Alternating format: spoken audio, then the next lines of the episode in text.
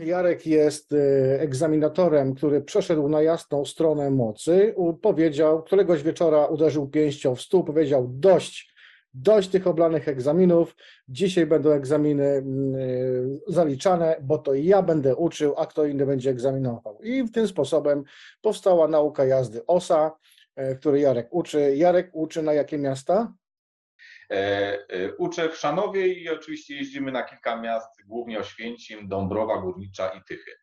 Tak, a nauka jazdy mieści się W Szanowie. A ja właśnie jestem tylko instruktorem nauki jazdy z Zamościa e, i prowadzę dla Was zajęcia w pakiecie platynowym na Zdamy To. I to spotkanie jest właśnie z pakietu platynowego. Tak na początek, Jarek, to może zacznijmy od teorii. Najczęściej popełniane błędy na teorii. To na czym te błędy na teorii polegają? Nie mówimy tu o konkretnych pytaniach, tylko mówimy tak ogólnie. Na, dlaczego ludzie oblewają teorię? No przede wszystkim trochę się źle uczą, podchodzą do tego źle. Po pierwsze, uczą się z samych pytań, e, a nie uczą się e, przepisów.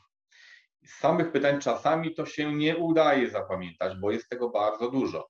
Po drugie, dochodzą do wniosku, że jak taki obrazek był przy pytaniu, to znaczy, że trzeba było odpowiedzieć tak.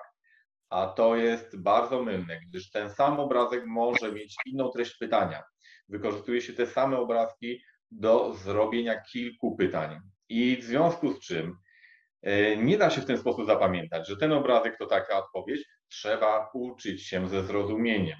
I to, o właśnie, to co Grzegorz pokazujesz, tam są przykłady. Tak, ta Tak. książeczka. 50 najtrudniejszych pytań w bazie egzaminacyjnej. Ktoś ma pakiet platynowy, to tą książeczkę ma, ona jest trochę zniszczona, jest, bo jej często używam. Tu są najtrudniejsze pytania. Zobaczcie, e, pytanie o poziom oleju silnikowego, e, to jest to samo zdjęcie, inna treść pytania. Tu jest trzecie pytanie o poziom oleju silnikowego i procent niewłaściwych odpowiedzi na te pytania wynosi 52, 53 i 41 jaki jest właściwy poziom oleju silnikowego albo niewłaściwy. Dlatego to, co mówi Jarek, e, osoby egzaminowane nie czytają pytań, tylko widzą obrazek. Co gorsza, Jarek, są inne pytania, chyba tutaj tego pytania e, nie znajdę tak na szybko, ale są pytania trywialne o pierwszeństwo przejazdu, gdzie znak ustalający pierwszeństwo jest na samym początku filmu. I oni tego nie widzą. Nie widzą, dlatego że w pierwszej kolejności osoby egzaminowane uruchamiają film. I właśnie tracą 20 sekund na zapoznanie się z treścią pytania, które im dali, zupełnie w darmosz- w darmosze. E, Nie widzą tego, co jest na początku filmu, potem jest stopklatka i w stopklatce pytają, czy w tej sytuacji masz pierwszeństwo przed pojazdem nadjeżdżającym z prawej strony? Nie, bo nadjeżdża z prawej. Oczywiście, że Dokładnie. tak, bo wyjeżdża z Dokładnie. nieporządkowanej. I tu Grzegorz dotknąłeś właśnie drugiego problemu y, z tych najważniejszych. Musimy się skupić na całym filmiku, czyli od początku do końca oglądać, co tam jest interesującego nas. E, dlatego trzeba sobie najpierw wykorzystać czas, tam jest około 20 sekund czasu na zapoznanie się z pytaniem. Przeczytajcie pytanie, zastanówcie się, czy zrozumieliście.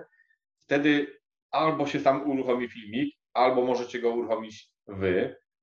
Po tych 20 sekundach uruchamia się sam, prawda? Ale jak ma, rozumiecie pytanie, e, uruchamiacie filmik i oglądacie od początku do końca. Albo na początku jest istotny znak, albo na samym końcu.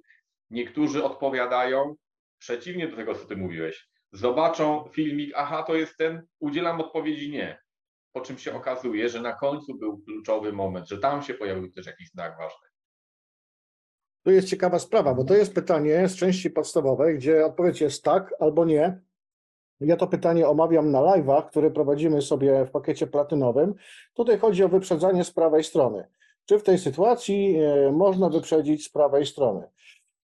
To jest pytanie, y, zdaje się, ze zdjęciem tylko. I jeżeli, zwróćcie uwagę, część podstawowa, czytacie najpierw pytanie, macie 20 sekund na przeczytanie treści pytania, czy w tej sytuacji, y, czy na tej drodze poza obszarem zabudowanym dopuszcza się wyprzedzanie pojazdu silnikowego z prawej strony. Jest na to 20 sekund, zapoznajemy się z treścią pytania. Potem uruchamiamy, albo samość uruchomi zdjęcie. Jak uruchomicie zdjęcie, to macie 15 sekund na udzielenie odpowiedzi. Ale tutaj trzeba się zastanowić, ile pasów ruchu musi być zabudowanym, poza zabudowanym, czy w ogóle można to wyprzedzać z prawej strony. To jest naprawdę sporo do kombinowania w tym pytaniu.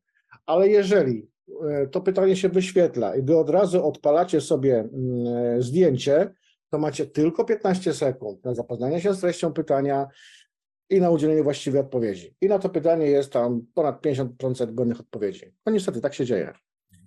Dokładnie, czyli nie rezygnujcie czasu, który Wam przysługuje. Macie prawie minutę na każde pytanie, a jak Wy od razu dajecie start, to znaczy, że tracicie 20 sekund na zapoznanie się z pytaniem. O tyle macie mniej czasu na mm, mniej więcej ocenę, jak macie odpowiedź na to pytanie, prawda? Sami nie rezygnujcie z tego czasu.